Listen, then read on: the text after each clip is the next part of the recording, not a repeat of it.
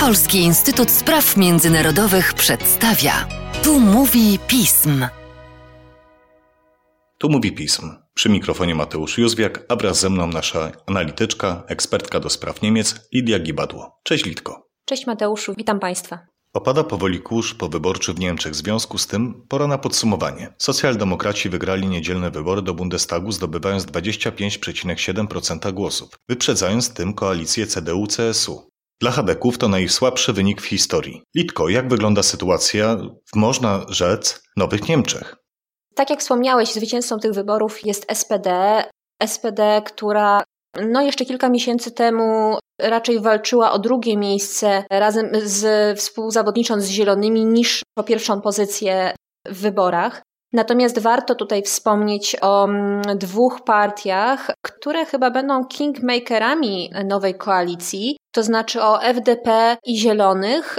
I tutaj warto zaznaczyć, że dziś mamy środę, 29 września, i rano na portalach informacyjnych pojawiło się zdjęcie, zdjęcie z Instagrama polityków Zielonych i FDP, które wskazywało na to, że obie partie są już po pierwszych rozmowach i niewykluczone, że to właśnie ogon będzie kręcił psem i to właśnie te partie wybiorą sobie, kto stanie na czele niemieckiego rządu.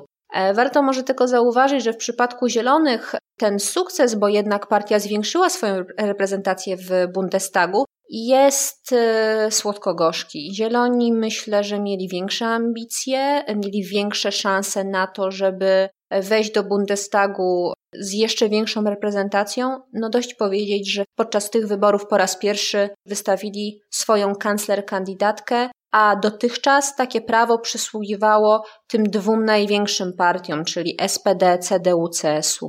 Lidio, Twoim zdaniem, jakie stoją przed nami możliwe scenariusze koalicyjne? W tym momencie najprawdopodobniejszym scenariuszem jest scenariusz sygnalizacji świetnej, czyli rząd z SPD na czele i koalicjantami z FDP i Zielonych. No przemawia za tym chociażby to, że to właśnie te partie e, poprawiły swoje wyniki w porównaniu z 2017 rokiem i trudno nie zgodzić się z Olafem Scholzem, czyli e, kandydatem na kanclerza socjaldemokratów, że już chociażby to wskazuje na to, że Niemcy chcą zmiany i Niemcy chcą, żeby to właśnie te partie weszły w skład nowego rządu.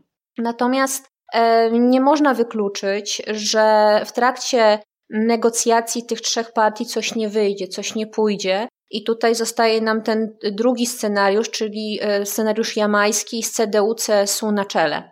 W odwodzie mamy także cały czas wielką koalicję. E, to jest ten scenariusz najmniej prawdopodobny. Niemniej wyobrażam sobie, że mogłoby do niego dojść, gdyby rzeczywiście te dwa scenariusze nie wyszły i Niemcom groziłby e, kryzys polityczny. Wygląda na to, że duże zmiany przed koalicją CDU-CSU. E, CDU-CSU przechodzi teraz bardzo, bardzo e, trudny moment dla siebie. Partia zdobyła no, najgorszy wynik w historii. To jest na pewno porażka Armina Laszeta, który teraz będzie walczył o utrzymanie swojej pozycji lidera CDU. Jesteśmy po pierwszych takich właśnie tarciach wewnątrz partii. One oczywiście będą trwały dalej i będziemy, myślę, świadkami napięć w partii w kolejnych tygodniach, w kolejnych miesiącach. Tak pokrótce, żeby zrelacjonować, co się dzieje. No, jak wskazują politycy Hadecji, ten wynik też nie, nie wskazuje na to, żeby CDU-CSU należał pierwszy krok w tworzeniu koalicji.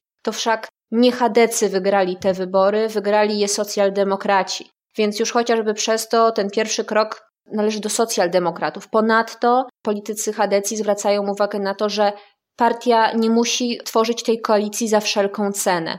Niewykluczone, że Hadecy potrzebują e, tej kadencji na odbudowanie się po Merkel, wymyśleniu partii na nowo i określeniu siebie na niemieckiej mapie partyjnej. To też na pewno czas rozliczeń, też ten czas rozliczeń personalnych. Wspominałam o Laszecie. Mieliśmy taki właśnie pierwszy przedsmak, ponieważ na forum partii, na forum frakcji padła kwestia tego, kto ma jej szefować. No i właśnie, Ralf Brinkhaus, czyli dotychczasowy szef frakcji, będzie dalej tę funkcję pełnił przez następne pół roku. A to jest tym bardziej ważna kwestia, że jeżeli dojdzie do zawiązania koalicji świateł drogowych, to szef chadeckiej frakcji zostanie szefem największej opozycyjnej frakcji w Bundestagu. Już przez sam ten fakt jego rola w partii bardzo mocno wzrośnie. Laschet, nie stając do rywalizacji w tym momencie z Brinkhausem, zostawia sobie otwartą furtkę do tego, żeby jednak podjąć negocjacje koalicyjne, gdyby liberałom i zielonym nie wyszła koalicja e, z SPD. Jednocześnie za te pół roku oczekiwałabym